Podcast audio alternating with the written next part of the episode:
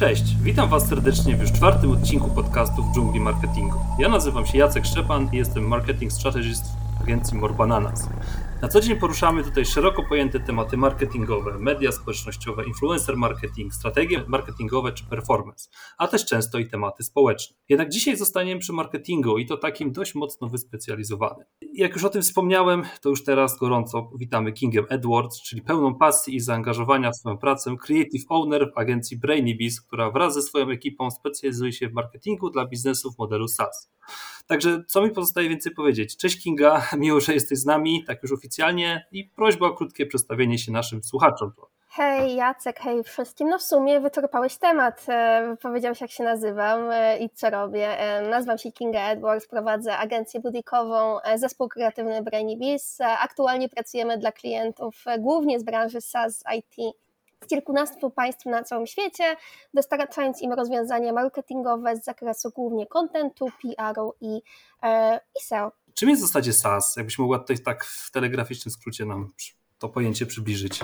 Jasne, SaaS to SaaS e, odpowiada za Software as a Service, czyli podręcznikowo to jest takie rozwiązanie, które polega na korzystaniu z usługi w chmurze w danym modelu płatności. Tak niepodręcznikowo i bardziej przykładowo mamy powiedzmy z Netflixa, którego być może e, korzystacie. Nie jest to SaaS, na jakim ja pracuję, ale może być jako taki e, przykład też podany, czy Slack, czy Asana, z, którego, z których też możecie korzystać. Tam za miesięczny dostęp do, do danego mm, serwisu, do danej usługi, funkcji płacisz określoną kwotę za to, żeby taki dostęp właśnie otrzymać. I ten SaaS też ewoluuje, bo, bo nie mówimy już tylko o SaaSach, ale mówimy też o pasach, czyli o platformach jako serwisy, czy o IaaS, czyli Infrastructure as a Service. Teraz jakby wszystko chce być jak as a Service, także, także myślę, że to ewoluuje w bardzo ciekawą stronę. Super, to wyczerpałaś teraz moje drugie pytanie, bo chciałem zapytać o Twoje ulubione benchmarki firm właśnie z kategorii SaaS. Natomiast, a to jesteś w stanie podać e, takie Twoje ulubione, e, zarówno, załóżmy, nie wiem, jeden z rynku polskiego, jeden z zagranicy? Wiesz co, y, mam trochę problem z takimi pytaniami, bo, bo oczywiście lubię y, dużo sasów i lubię komunikację wielu sasów, ale też wiem, co za taką komunikacją się kryje i to są często bardzo duże mhm. budżety, bardzo duże zespoły, e, więc e, replikowanie czegoś takiego no, no może być czasochłonne albo nawet niemożliwe. Tak. Sasochłonne, o tak, bardzo ciekawe, bardzo ciekawe podejście. E, bardzo lubię komunikację Ahrefs, bardzo ciekawe rzeczy robi Hotjar czy HubSpot. Warto sprawdzić Storyblog, bo, bo zaczynają się też troszkę rozpychać na, na rynku. E, podaję tutaj, e, nie podałam tutaj moich e, klientów, albo nie będę mówiła, że to są moi klienci, ale też nie są na przykład konkurencją, więc wiadomo, mogłabym podać tego więcej, ale nie byłabym ok ze swoją klauzulą sumienia tutaj, więc tyle muszą, tyle musi Wam na ten moment wystarczyć. Naprawdę z SaaSów i ich działań pod kątem i kontentu, SEO, PR-u, social media jest, jest bardzo dużo i, i polecam Wam trochę zagłębić się w ten temat. To jest kopalnia wiedzy nie tylko jeżeli pracujecie w SASach. Mhm. Dobra, to bardzo Ci dziękujemy. To tam oczywiście nie ciągniemy tutaj za język na te tematy, które zostały już poruszone. E, to sobie gdzieś w kuluarach najwyżej pogadamy. Natomiast e, idąc dalej, to, e, to skąd taka decyzja i w ogóle droga rozwoju? No bo to można śmiało powiedzieć, że jest to Twoja i Twojej agencji jako Brainy specjalizacja, tak? Właśnie ten SaaS i szczególnie dla B2B. Skąd to się wzięło? E, wiesz co, no wzięło się z, właściwie z mojego doświadczenia, bo ja w jakimś momencie mojego, mojej kariery wylądowałam w SASie, pracowałam w SASie in-house marketingowo, no i tam ten światek poznałam, zaczęło mi się to podobać, zaczęłam kombinować, robić więcej, eksperymentować, e, no i po odejściu z tego, z tego SAS zaczęłam e, dostawać nowe projekty, nowe zlecenia, budować swój network w tej sieci, więc to była taka bardzo naturalna droga, myślę, rozwoju potem na freelancie, ale doszło do takiego momentu, że no Albo bierzesz kogoś sobie do pomocy, albo koniec z nowymi projektami, bo doba ma 24 godziny i tydzień ma 7 dni. Więc e, stwierdziłam, że skupię się na SASach i wyłącznie właściwie SASach jako ten kor działalności. Zatrudniłam pierwszą osobę, w tym momencie jest nas dwunastka z kilku państw e, i, i mocno, mocno podwyższamy cały czas nasze kompetencje, głównie jeżeli chodzi o marketing właśnie SASowy, IT, B2B, E, na tych, na tych rynkach e, zagranicznych. Nie robimy też, może to doprecyzujemy, nie robimy takiego, nie robimy marketingu dla biznesów e, w modelu SaaS jako takiego marketingu 360, nie robimy wszystkiego. Mamy tu swoją niszę, wyspecjalizowaliśmy się w czymś, bo E, ja mam też takie podejście, że jak ktoś robi wszystko, to, to nie robi właściwie nic, tak? I, i, I to może jest bardzo kontrowersyjne i mocne, ale wolałam sobie znaleźć taką, taki swój segment, w którym naprawdę będziemy dowozić dobre wyniki. Tak to jest, tak się właśnie stało z contentem, SEO, PR-em czy tam link buildingiem. E, mamy tę naszą niszę, poza nią staramy się nie wychodzić z projektami e, i, i skalować sobie procesy jakby w, w tej naszej niszy, w tym, tym naszym kawałku tortu e, starać się robić jak najlepsze rzeczy, skalować raczej jakość niż, niż ilość, a te zapytanie o szerszą współpracę, czy o współpracę poza naszą, naszymi kompetencjami lub kiedy ja myślę, że nasze kompetencje nie są wystarczające, żeby zrobić to dobrze, e, nie mam problemu z oddawaniem tego zaprzyjaźnionym e, podmiotom na rynku choćby polskim. Okej, okay, to mam takie pytanie jeszcze adwocem, bo no nie ukrywam, że przygotowywałem się trochę do naszego spotkania, więc oglądałem też e, inne podcasty lub, lub po prostu e, spotkania z tobą i wywiady. Ich nie ma dużo, to też o tym wspominałaś, że raczej ty skupiasz się na pracy, a nie budowaniu marki osobistej. I ale, ale to jest ciekawe, bo yy, no bo tak, nie skupiasz się na tym, natomiast z tego co słyszałem, to na 2021 byliście już tutaj mówiąc po angielsku fully booked. Czy też można powiedzieć, że to się dalej utrzymuje w tym roku, że rzeczywiście jakby z tymi klientami jest tak, że dalej nie, nie staracie się o nich i czy nie staracie się, nie staracie się zdobywać nowych, bo jest takie rzeczywiście duże obłożenie, jeżeli oczywiście o to możemy spytać. Wiem, że taki temat kiedyś padł. Wiesz, ciekawe, ciekawe jest to, że my nie wysyłamy zapytań, my nie pozyskujemy klientów, my nie mamy działu sprzedaży, wszystkie projekty, które do nas trafiają są z rekomendacji, e, więc ja sama nie robię żadnego outreachu, nie mam nikogo, kto ciągnie business development. E, bardzo jestem zadowolona z tego, jak to wygląda ten, na ten moment. E, czy jesteśmy fully booked na cały, na cały rok? Bardzo blisko jesteśmy tego momentu. Też staram się nie brać więcej niż jesteśmy w stanie dowieść. Chcę to dowieść w dobrej jakości, więc nie mam planów podboju świata i skalowania firmy do nie wiem, 20-30 osób. Jest, jest mi dobrze i jestem zadowolona z tego, co dowozimy na ten moment. Oczywiście chcę skalować jakość, tak jak mówiłam, chcę robić to lepiej, nie chcę robić tego tego być może e, więcej. Więc e, na, na, odpowiadając w jednym zdaniu na Twoje pytanie, czy jesteśmy fully booked, jesteśmy tak 95% booked. Jeżeli wpadnie nowy, duży projekt, e, będę musiała niestety powiedzieć no nie i być może w przyszłym roku.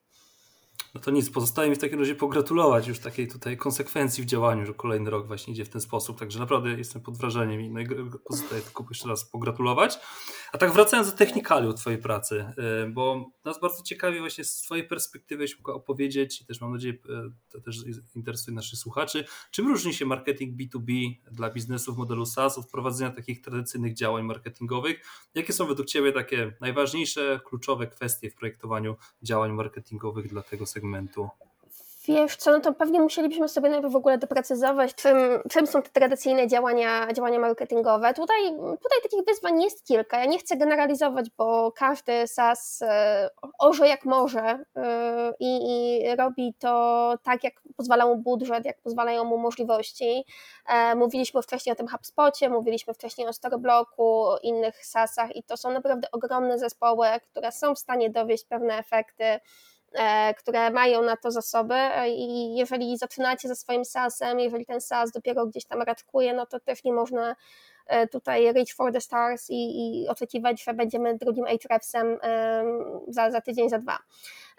No to co, to, co na pewno się rzuca mnie w oczy jako osobie, która pracuje z tymi SaaSami, E, to jest ogromna rola relacji i networku w SaaSach, w B2B. Naprawdę wiele rzeczy można mm, załatwić, wychodzić właściwie, e, mówiąc, mówiąc tak bardzo kolokwialnie, bo oczywiście niedosłownie e, pracujemy globalnie, więc, więc chodzenie nie wchodzi, nie wchodzi w grę. Mm, jakiekolwiek partnerstwa, integracje między narzędziami, wspólne inicjatywy marketingowe, naprawdę relacja i network, no to to jest podstawa. E, to jest podstawa, jeżeli chcecie budować swój SaaS, jeżeli z SaaSami chcecie pracować, no musicie lubić ludzi, mieć do nich cierpliwość, no i, e, no i w te relacje inwestować e, czas, nerwy, swoje, swoje własne zasoby. Na pewno jest też olbrzymia konkurencja. SaaSy są stosunkowo proste do rozwinięcia, tak? Też tutaj jest totalna generalizacja z mojej strony i szufladkowanie, ale napisanie, napisanie kodu, stworzenie takiej prostej aplikacji SaaS, no nie jest to rocket science, który będzie Wam zajmował lata.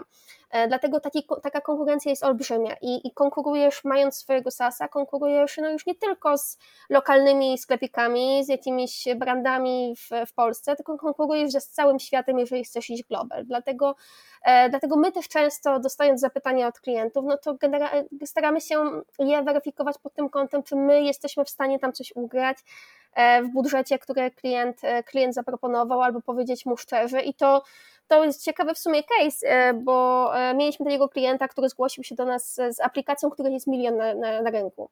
I ja przez to, że z taką aplikacją pracuję od lat, powiedziałam mu, że no słuchaj, bardzo fajny pomysł, ale jakbyś go wyprodukował 5 lat temu. Teraz ten, ten obszar jest tak zajęty, jest e, cała ta mm, kondensacja tych wszystkich sasów w tym obszarze jest, jest tak ogromna, jest tak wyeksploatowany ten sektor, że no być może to nie jest najlepszy pomysł, żeby porywać się z motyką na słońce. I słuchaj, co się okazało, że e, ten klient, potencjalny wtedy klient, przyznał mi rację, że tak, że on tego w sumie nie zresearchował i że jestem pierwszą osobą, która mu o tym mówi, że być może to nie ma, nie ma z tym sensu. E, I to było rok temu, teraz ta osoba jest naszym klientem z innym produktem.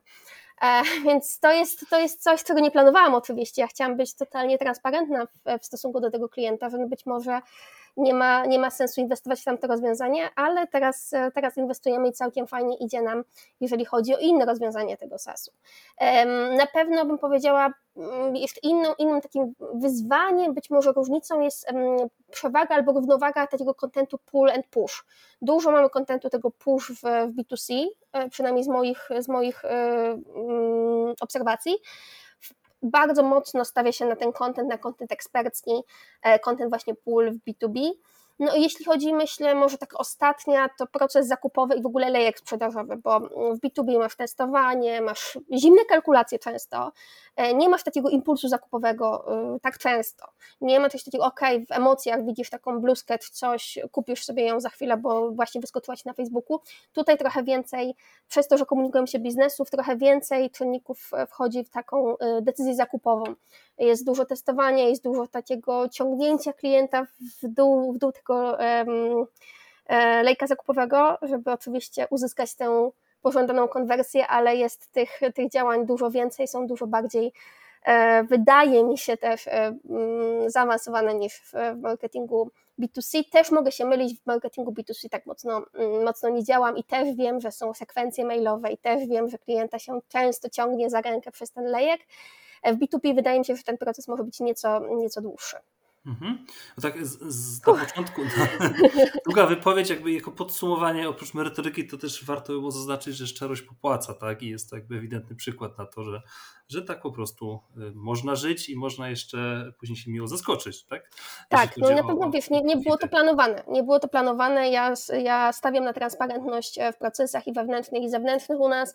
E, wszystko, wszystko, no właściwie, właściwie wszystko jest, e, jest takie crystal clear dla, mm, dla każdej osoby, która z nami współpracuje.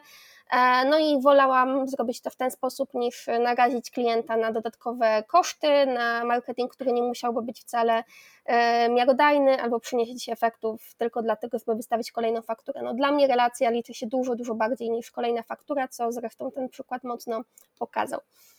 No i dlatego B2B SaaS, tak? Jeszcze tak wracając do początku, a propos tych relacji, o których wspomniałaś. E, a, a jeżeli chodzi o strategię kontentową i SEO, bo z tego co y, wiem, to, to są też takie obszary, w których się głównie specjalizujecie. Popraw mnie, jeśli się mylę. E, I to jak wy podchodzicie jako Brainix do, do, do, tego typu zagadnień, że klient przychodzi i jaki jak jest taki flow po prostu pracy u was? No i widzisz, no i nie ma jednego flow. Nie ma jednego flow, dlatego że mogą przyjść do nas klienci na samym początku, mogą przyjść do nas klienci, którzy dostali finansowanie od VC i, i mają po prostu pieniądze i chcą wydać je na e, porządną strategię kontentową, a przychodzą nas klienci, którzy mają zespół in-house, a ten in zespół in-house nie jest w stanie im dowieść tego, czego potrzebują na przykład w danym czasie czy w danej jakości. Dlatego takiej jednej recepty nie ma, zawsze metodykę dopieramy do klienta, do budżetu, do możliwości, do struktur u klienta, mierzymy takie siły na zamiary. E, czyli, czyli sprawdzamy jakby co jest, e, co jest wykonalne, co jest robialne w danym, w danym obszarze, w danym timeline'ie, w danym, w danym zakresie. I, I wiesz, też jest taka pochodna potrzeb, bo mm, nie chciałam mieć kolejnej agencji, która będzie wysyłała tam content plany bez researchu i tak, a okej, okay, znalazłam coś i możemy to pokryć. E, tylko zaczęliśmy trochę bardziej e, kopać w, w klientach, którzy się do nas zgłaszali. I okazywało się, że na przykład jakiś potencjalni klienci nowymi planami kontentowymi chcieli sobie zakleić dziurę w analityce, czy jakieś mechanizmy na stronach, niedziałające sklepy internetowe. Generalnie myśleli, że content jest e, lekiem na całe zło, a my zaczęliśmy kopać w tym, dlaczego na przykład to nie performuje, dlaczego te teksty są zoptymalizowane, a nie, do, nie dowożą. No i znajdowaliśmy takie, takie szpileczki, które e, no, klienci musieliby sobie na początku naprawić, e, zanim, zanim zaczniemy jakąkolwiek mm, współpracę, a my często też byliśmy właśnie jedynym podmiotem, którym o tym powiedział, po iluś tam agencjach, które po prostu dowoziły, co miało dowozić po miesiącu. My, my sprawdziliśmy, dlaczego to, to nie dowozi i wychodziły naprawdę historie e, i, i baśnie Tysiąca Jednej Nocy. E, dlatego jednego, jednego takiego workflowu nie ma. Mamy oczywiście swoje procedury, mamy jakieś tam checklisty, um, mamy, mamy pewne rzeczy, które, które zastosujemy dla każdego klienta, tylko w, w różny sposób. Więc tak wracając do Twojego pytania, to zaczynamy już do, od audytu, analizy mhm. konkurencji, mm, typujemy albo low hanging fruits, albo content gaps, sprawdzamy w ogóle, co ma, co ma sens, tak? I to jest, to jest takie podejście właśnie, no ten research jest dość, dość pogłębiony i mm, takie podejście extra mile, takie wyjście po prostu z czymś ekstra do klienta, y, często w ogóle bez dodatkowego budżetu, no nie jest, nie jest popularne, bo dla wielu osób, dla, dla firm się, udaje, się wydaje, że to się im nie zepnie biznesowo, bo, bo widzą w tym wydatek, nie widzą w tym inwestycji. No ja w tym widzę inwestycje, y, przede wszystkim inwestycje w relacje, a później y, jeżeli dobrze się pokieruje value ladder, no to, no to też może to się odbić na na biznesie. E, po takim sprawdzeniu, po audycie, po, po e, utworzeniu strategii czy planu kontentowego, bo też na przykład zgłaszają się do nas te zespoły in-house, które mają wytypowane już jakieś właśnie guideliny od ich agencji SEO i tylko chcą, żeby ktoś to ogarnął pod kątem kontentu i tym się też zajmujemy. E, sprawdzamy potencjał optymalizacyjny treści, jeżeli już jakieś treści są, jeżeli ich nie ma, no to wiadomo, y, mamy większe wyzwanie tworzenie ich od nowa, sprawdzamy jak to się indeksuje, dbamy o linkowanie wewnętrzne, mamy narzędzie i do tworzenia briefów, i do tworzenia y, już, do sprawdzania tekstów, do optymalizacji SEO, mamy y, teraz tworzymy cały zestaw wewnętrznych checklist w Brainybis dla każdej osoby, która będzie miała styczność z tekstem dla klienta, no i ciągle, ciągle wiesz, budujemy, udoskonalamy te procesy, no bo tutaj się nie da stać w miejscu. Mamy narzędzia, mamy nowe frameworki, mamy nowe, nowe sasy, które próbują kolejnych, y, kolejnych podejść do formy komunikacji, no i mhm. musisz, wiesz, musi, musisz coś robić, bo nie da się stać w miejscu i coś, co sprawdzisz nawet sobie dzisiaj, musisz sprawdzić zaraz za, za miesiąc, za dwa, bo okaże się, że fraza, którą chciałeś sobie pokryć, ona już teraz nie ma żadnego sensu, e, żeby, żeby być pokrytą przez ciebie, bo, bo nagle wskoczyła na keyword difficulty z 10 na 50 i no już nie będzie tak łatwo.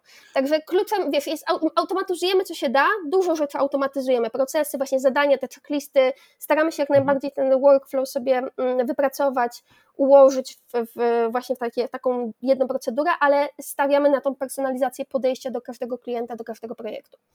Mhm, to mi się właśnie to bardzo podoba, czyli po prostu nie przechodzicie od razu do działania, tylko najpierw e, robicie audyt i takie strategiczne po prostu, e, no macie swoją checklistę i sprawdzacie, czy się to spina po prostu, jeżeli chodzi o kwestie nadrzędnych, a potem dopiero przechodzicie do działania.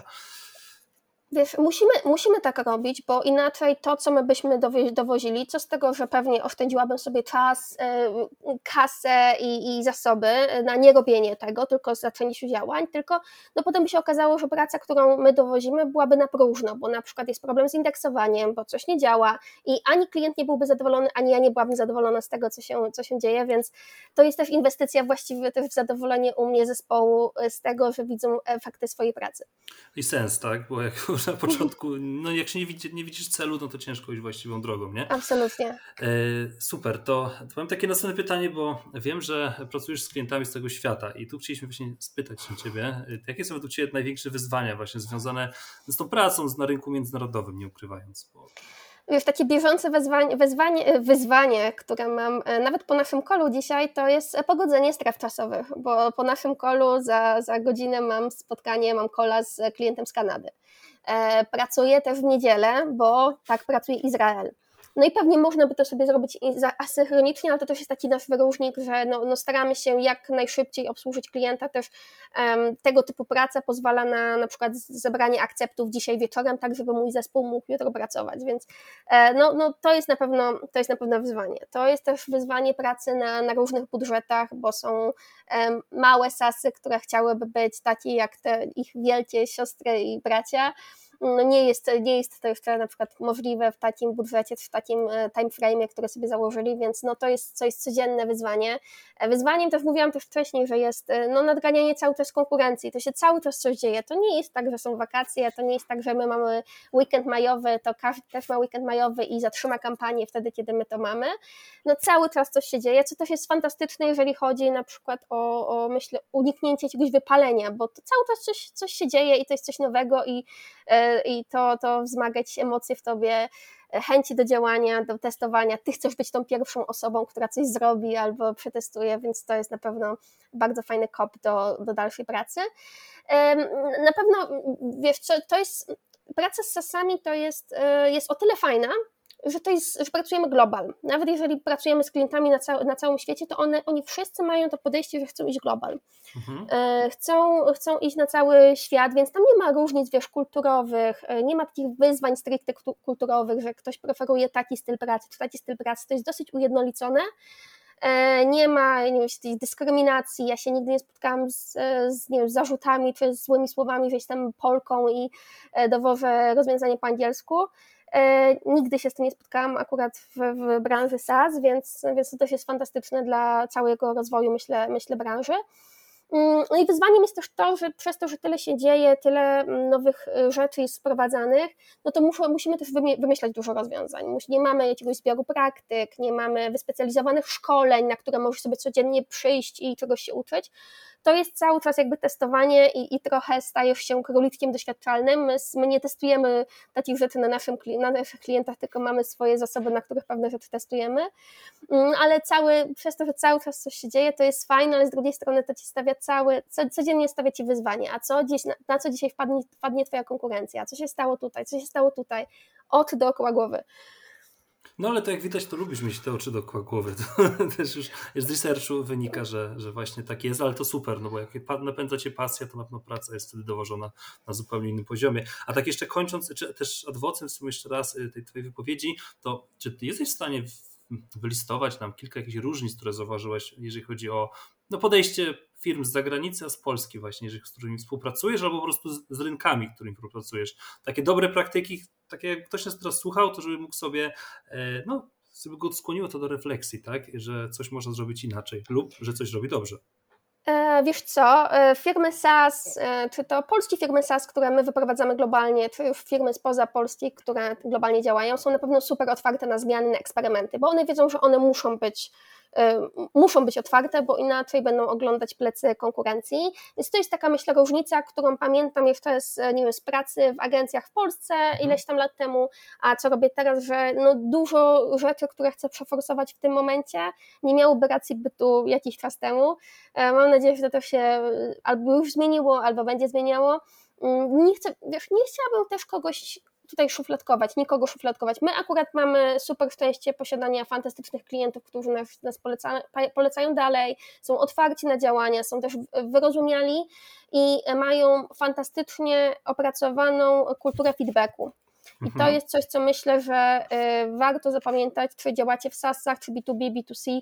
Feedback y, w pracy z agencją jest, y, jest kluczem do dobrej współpracy. E, więc e, ten, ten, za ten feedback to dziękuję każdego dnia, że, e, że coś takiego istnieje, bo to też pozwala się agencjom rozwijać i całej współpracy iść w dobrą stronę. Mhm. Czyli po prostu rozmawiajmy ze sobą i dawajmy sobie po prostu feedback, mówiąc w skrócie. Tak, e... tak. Czasami wiesz, czasami to będzie bolało.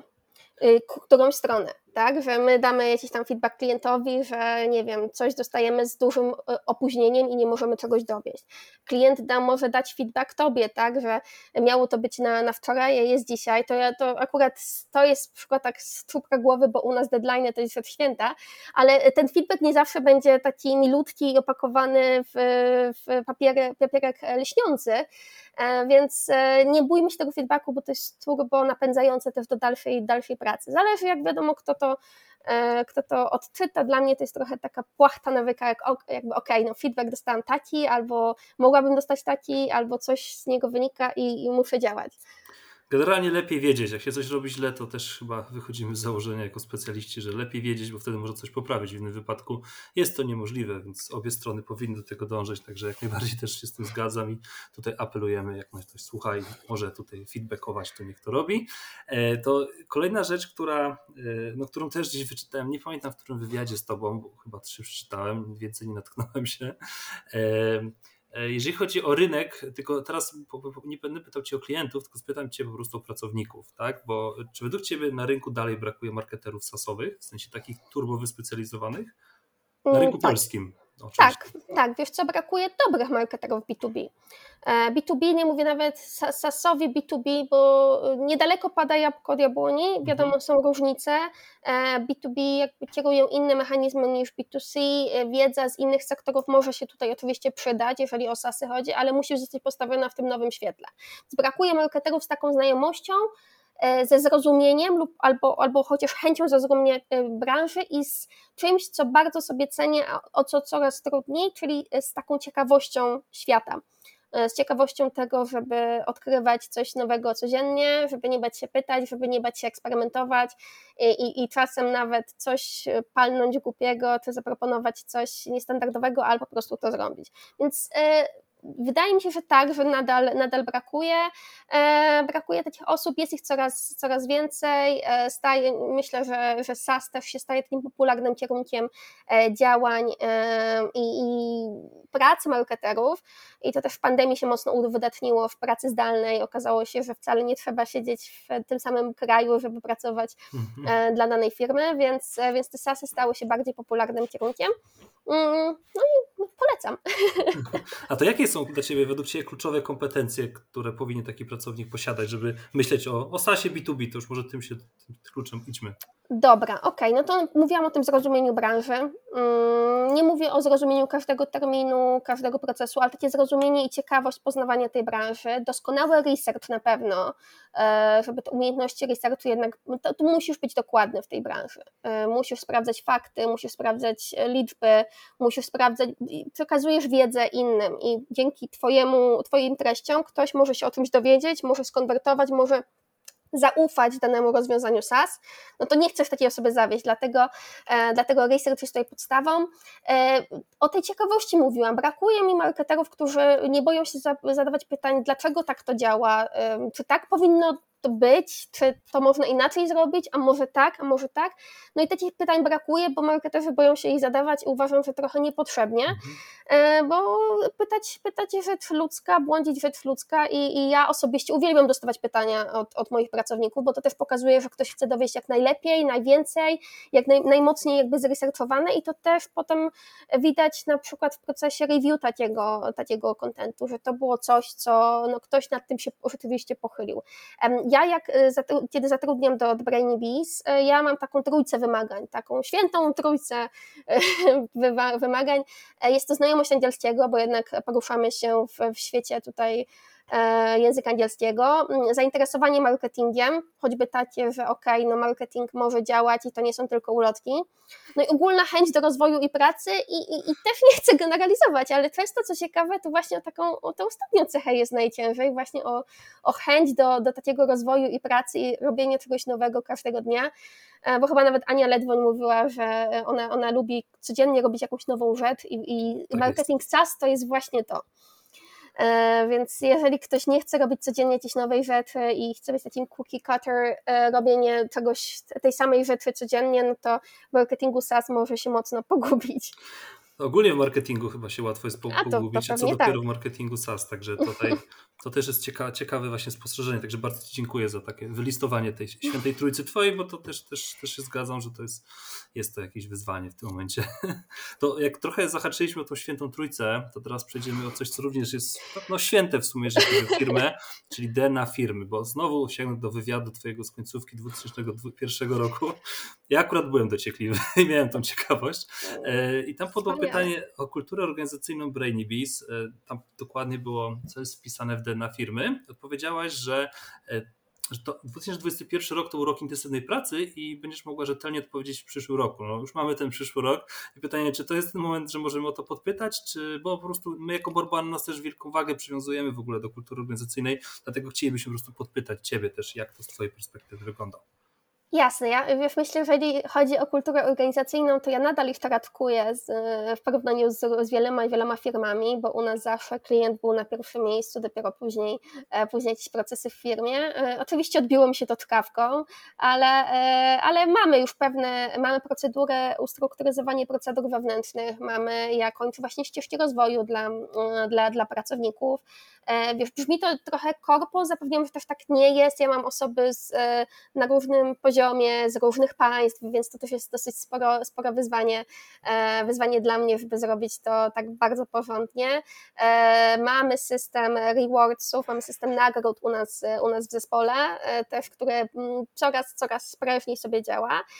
No i prowadzenie takiego właśnie międzynarodowego zespołu zdalnie też to wyzwanie, ale całkiem nieźle dajemy sobie z tym radę. Jeśli chodzi o zespół, moim celem na 2022 było zatrudnienie osoby, która będzie się zajmowała wyłącznie SEO i takimi wskazówkami optymalizacyjnymi, czyli tym, co pokazało nam w 2021 pokazano nam, e, że jest potrzeba na to, żebyśmy coś takiego też mieli in-house e, żebym miała osobę taką do konsultacji. Udało się od początku maja, mamy taką osobę na pokładzie.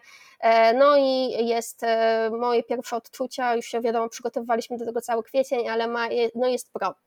A moim największym wyzwaniem w tym roku, bo plan to było zatrudnienie tej osoby, a wyzwanie to było to, żebyśmy, e, żebym dowiozła swoją ob- obietnicę, czyli ten czterodniowy dzień pracy w 2020, do końca 2022. E, Mogę, mogę nieśmiało powiedzieć, że idziemy zgodnie z planem e, i już pracujemy w piątki, w piątki krócej, czy w inne wybrane dni tygodnia, a no do końca nie widzę przeszkód, żeby ten czterodniowy dzień pracy do końca roku był, był wdrożony, no i to było coś, na co, co mocno leżało mi na sercu, żeby coś takiego e, wdrożyć jako takie thank you dla, moich, dla mojego fantastycznego zespołu. E, No i widzę, że chyba, chyba nam wyjdzie. Musimy pogadać w grudniu, powiem Ci więcej. Dobra, to ja obiecuję się odezwać w grudniu, żeby tutaj zrobić jeszcze raz update'ik. A to tak z ciekawości, bo to, to, to nie ukrywam też bardzo, bardzo mnie interesuje. To jakie, jest, jakie było główne wyzwanie? Bo tu nie będę wchodził w szczegóły w tym momencie, natomiast jakie było główne wyzwanie, jeżeli chodzi o, albo dalej jest tak naprawdę, jeżeli chodzi o wprowadzenie tego czterodniowego dnia pracy? Wiesz, no to jest y, przez to, że właśnie pracujemy w różnych strefach czasowych i to też jestem, głównie ja jestem odpowiedzialna za, za komunikację właśnie po godzinach, czy komunikację w weekendy, nie chcę dawać temu, tego mojemu, moim pracownikom, ale chciałam, chciałam dać benefit, o które nadal jest dosyć ciężko, szczególnie myślę w agencjach, bo jeżeli chodzi o SaaS, jeżeli chodzi o firmy usługowe, być może jest to bardziej mm, jakby ła- łatwiejsze do wprowadzenia, jak masz większy zespół, większą rotację zmianami, większą rotację ludźmi, gdzie możesz sobie to tak poukładać, to myślę, że jest to, jest to mniejsze wyzwanie niż wyzwanie u nas, gdzie tych osób jest 12 e, i, i poukładanie tego myślę, że będzie bardzo korzystne, bo już teraz to, teraz to e, testujemy, mieliśmy etapy wprowadzania tego, no i się okazało, że skrócenie dnia pracy o tam dwie godziny, a teraz o 4 godziny w piątek nie wpływa negatywnie na produktywność, wręcz przeciwnie. E, Mnie to napawa super szczęściem i, i e, taką chęcią do robienia tego w dalszym etapie i wdrożenia tego dalej, kiedy widzę e, mój zespół popołudniami w piątki gdzieś, wiesz, posiadając taki enjoy z, z weekendu i widzę, że projekty wcale na tym nie cierpią, nie ma deadline'ów przed, po- poprzedłużanych, też nie jest tak, że ludzie pracują przez to dłużej w inne dni tygodnia, nie. Więc to jest, to jest takie, mówiłam, to jest takie thank you dla mojego zespołu i to jest benefit, które jeżeli zrobi się to odpowiednio, tak po ludzku i, i procesowo, to nie, nie będzie wpływał na to, w jaki sposób um, obsługujemy klientów, czy dowozimy im projekty. Czyli generalnie da się, e, tylko trzeba to zrobić po prostu mądrzej z głową. Także tutaj to życzę bardzo powodzenia, żeby to się udało właśnie zrobić. E, Nie dziękuję. To jak jesteśmy już przy czasie i skracaniu tego czasu, to też możemy przejść do ogarniania się w czasie. To już jedno, bo będziemy powoli zmierzać do końca naszego spotkania. E, czy jesteś w stanie polecić nam jakieś konkretne narzędzia dla naszych słuchaczy, które pomagają ci, jak to mówi właśnie nasza Ania Ledwoń, ogarniać się w czasie? Bo zakładam, że twój dzień pracy to musi być ułożony jednak i rozplanowany, żeby się wyrobić ze wszystkim. Wiesz, ja będę antyprzykładem. antyprzykładem, jeżeli chodzi o organizację. Ja dużo, bardzo dużo pracuję. Staram się coraz mniej, e, ale, ale jednak ta praca jest tak bardzo mocno w, w moich żyłach. Jeżeli chodzi o aplikacje Asana do pracy zespołu, Todoist i aplikacja na, e, na iPhone'a Productive, e, to do własnej pracy, do własnych nawyków. E, Notion do baz wiedzy, Slack do komunikacji. W BrainyBees nie posiadamy i nie będziemy mieć aplikacji do trakowania czasu. My pracujemy na, głównie na, na kwestiach kreatywnych. Nie mogę komuś tutaj założyć 20 godzin na to, czy dwóch, od dwóch godzin na napisanie tekstów, no um, u nas by się po prostu to nie sprawdziło. Rozumiem, że w, w biznesach agencyjnych musi to tak działać, to jest kwestia billingowania klientów. My działamy na paczkach e, dla klientów, więc my dowozimy im pewne, e, pewne, pewny rodzaj materiałów, pewną ilość materiałów co, co um, miesiąc i na, na tej podstawie się rozliczamy. Więc typowo takiego czasomierza nie mamy. E, ja, ja, jestem też e, mocno zdigitalizowana, ale wróciłam do papierowych notatników, do takich dziennych planerów, no bez, mhm. bez nich się nie ruszam i takie odkreślanie zadań jest e, w pewien sposób niezwykle satysfakcjonujące. Bardzo lubię sobie. Się pojawia, do, tak? dokładnie, dokładnie. Nie mam, nie mam takiego czegoś na przykład z Todoistem, ale jeżeli chodzi o kartkę, gruby marker sobie odkreślam, fantastyczne uczucie. A ogólnie mam cztery, pracy, cztery segmenty pracy dziennie. E, I, I wspominałam, że pracuję w niedzielę, to dla mnie taki admin dzień. Ja w niedzielę sobie bardzo dużo rzeczy jestem w stanie ogarnąć i w poniedziałek, w poniedziałek jest wtedy takim dla mnie małym wtorkiem. E, w poniedziałek e, jest, nie jestem już zdecydowanie mniej zestresowana niż byłam wcześniej. Już dla mnie każda niedziela już było o co ja muszę zrobić w poniedziałek, więc stwierdziłam, że po prostu zacznę robić to w niedzielę. Pomaga. E, a piątki już mam nie, nie cztery, tylko dwa segmenty pracy, więc, e, więc pracujemy już do takiej 14, 14 max, ja już tak pracuję max do 14. E, I, I te segmenty są takie wczesny ranek, kiedy jestem offline, nie ma mnie, ludzie myślą pewnie, że śpię, a ja sobie robię rzeczy po cichutku. Czyli deep Potem jest taki tak zwany, tak? Doku- tak, dokładnie, dokładnie. Potem jest południe, gdzie łapię się z zespołem i, i sprawdzam, jak to, jak to wygląda na dany dzień. Potem są popołudnia i w popołudnia zazwyczaj mam kole, e, bo wtedy mam spadek energii, więc, e, więc mogę po prostu wpaść, e, wpaść na kola. Nie lubię coli w momencie, kiedy jestem najbardziej produktywna. No i mam też wieczorną sesję, sesję pracy, taką, którą zaczniemy pewnie po naszym kolu. Po, tak, ja zacznę po naszym kolu, nie mówię o tobie, na pewno nie zaczynaj pracy. I, I wtedy robię sobie takie też bardziej adminowe rzeczy, które nie wymagają jakiegoś, jakiegoś mega, mega dużo pracy, ale wymagają czasu. Mhm. Czyli cztery segmenty generalnie i sobie tak. po prostu układasz, rozumiem, zadania per segment, żeby tutaj no, swoją efektywność, tak, gdzieś po prostu odpowiednio porozkładać. Super. Myślę, że to jest, myślę, że to jest klucz, że musisz sobie znaleźć, w których momentach e, dnia lubisz robić coś. Ja odkryłam to z kolami, że nie lubię coli o 10, nie lubię coli o 12, bo ja mam wtedy swój pik, jeżeli chodzi o, o produktywność, więc ustawiam sobie kol na przykład o 15, 16 yy, i, i jakoś to zdecydowanie lepiej działa. Kole też są w sumie, tak jak powiedziałeś, że nie lubisz być e, w tym swoim piku tak naprawdę na kolach, tylko skupić się na rzeczach, no bo kole same przez się, że rozmawiasz z drugą osobą albo przynajmniej musisz słuchać e, intensywnie, no to wymaga to skupienia, tak, więc, więc no może ci rzeczywiście pomaga na ten spadek energii. Nie wiem, to pewnie tak jak ty mówisz, każdy musi sam siebie zrozumieć i sobie dostosować. To zostały nam dwa ostatnie pytania, które dzisiaj przygotowałem. E, to jedna to jest, czy jesteś w stanie nam opowiedzieć skrócie o twojej największej porażce i czy ona coś, no i co, i co z niej wyciągnęłaś, bo to jest ciekawe też adwocem tych feedbacków, o których rozmawialiśmy. Wiesz co, nie, nie wiem od czego zacząć tutaj, bo tych porażek na pewno było sporo I, i ja wierzę w to, że wszystko się dzieje po coś i gdyby nie te tąpnięcia, gdyby nie odejście klientów czy odejście pracowników zespołu, to ja nie byłabym tutaj, gdzie, gdzie jestem teraz. E, więc na pewno, na pewno sporą porażką było to, że e, tak późno zaczęłam pracę nad procesami wewnętrznymi w firmie, nad, nad sprawdzaniem w ogóle jak to wewnętrznie działa, bo tak mocno skupiłam się na tym, żeby dowozić e, klientom, były czasy pandemiczne, wszystkim chcieliśmy pomagać. E, I, I myślę, że myślę, że sporo tak nawet niefinansowo kosztował mnie brak tych procedur w pewnym momencie. E, No i pewnie można sobie wmawiać, że inni to w ogóle nie mają procedur, po co ty się przejmujesz, no ale, e, ale jeżeli widzisz osoby, które na przykład odchodzą z zespołu, e, czy jeżeli akurat nie mieliśmy przypadków klientów, którzy odchodzili przez brak procedur, czy w ogóle przez jakąś tam słabszą pracę, ale na przykład jeżeli chodzi o, o zespół, no to myślę, że taki brak procedur e, dwa lata temu e, dosyć, dosyć mocno mnie, e, mnie kosztował. E, Nauczyłam się, zaczęłam nad tym pracować, e, mocno pracowałam nad sobą, nad tym, jak to w firmie wygląda. No i, no i teraz e, też mamy zespół, w którym nie ma rotacji już od bardzo, bardzo dawna, także mam nadzieję, że tę porażkę udało mi się przekuć w taki malutki sukces. E, Bo w pewnym, w pewnym momencie po prostu te wszystkie wymówki trzeba odstawić i znaleźć na to czas. Nie, nie pomiędzy projektami, nie po nocach, tylko znaleźć czas na to, żeby poukładać coś, co, e, co, co nie działa. To czy, czy, po- czy poukładanie właśnie tych procedur, które wyszły no, z jakichś tam porażek, które po prostu ponosiłaś, to też jest, uważasz to, że to, to jest, czy był twój największy sukces, czy Nie, wiesz co, na sukces dalej czekam. Ja ci powiem, kiedy osiągnę sukces. Na, na razie jestem zadowolona z tego, jak to, jak to działa. Uważam, że mam fantastyczny zespół, Mhm. że mam firmę, która dowozi, mm, dowozi te projekty i jednak jest rekomendowana dalej, więc no coś, coś tam umiemy, coś tam znaczymy.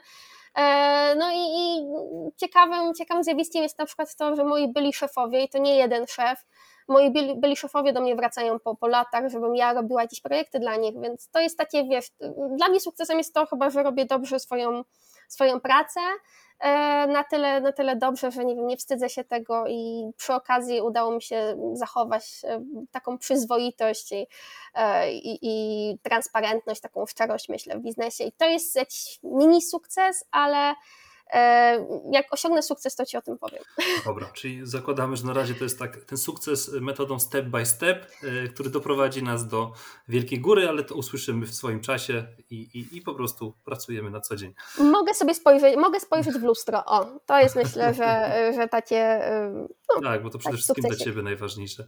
No super, Kinga, to zakończmy tym optymistycznym akcentem zatem. Jak już tak skończyliśmy na sukcesie, no to chyba tak powinno być, żebyśmy optymistycznie patrzyli w przyszłość. Także ja jeszcze raz powtórzę, że dzisiaj gościliśmy Kingę Edwards z Brainy Bees, której jeszcze raz bardzo dziękujemy za to, że zgodziła się z nami porozmawiać i poświęciła swój wieczór, tutaj godzinkę dla nas. Ja dziękuję za zaproszenie. Również bardzo jeszcze raz dziękujemy i jeżeli macie jakieś pytania, to możecie śmiało do nas pisać. Jakbyście mieli jakieś pytania do Kingi, no to i zgłoście się do nas, to, to postaramy się tutaj Kingę o coś podpytać, jeżeli wyrazi zgodę na, na taką odpowiedź. Wyrażam. Super. E, No i oczywiście co, klasycznie, nie obrazimy się oczywiście o udostępnienie tego materiału dalej, wręcz będziemy za to wdzięczni. No i zachęcamy do obserwowania wszystkich naszych social mediów. Także do następnego, do usłyszenia Kinga. Jeszcze raz gorąco Ci dziękuję e, i, i powodzenia w takim razie w, e, w tym, w tym osiąganiu, osiąganiu codziennych sukcesów. Dziękuję wzajemnie, dzięki za zaproszenie.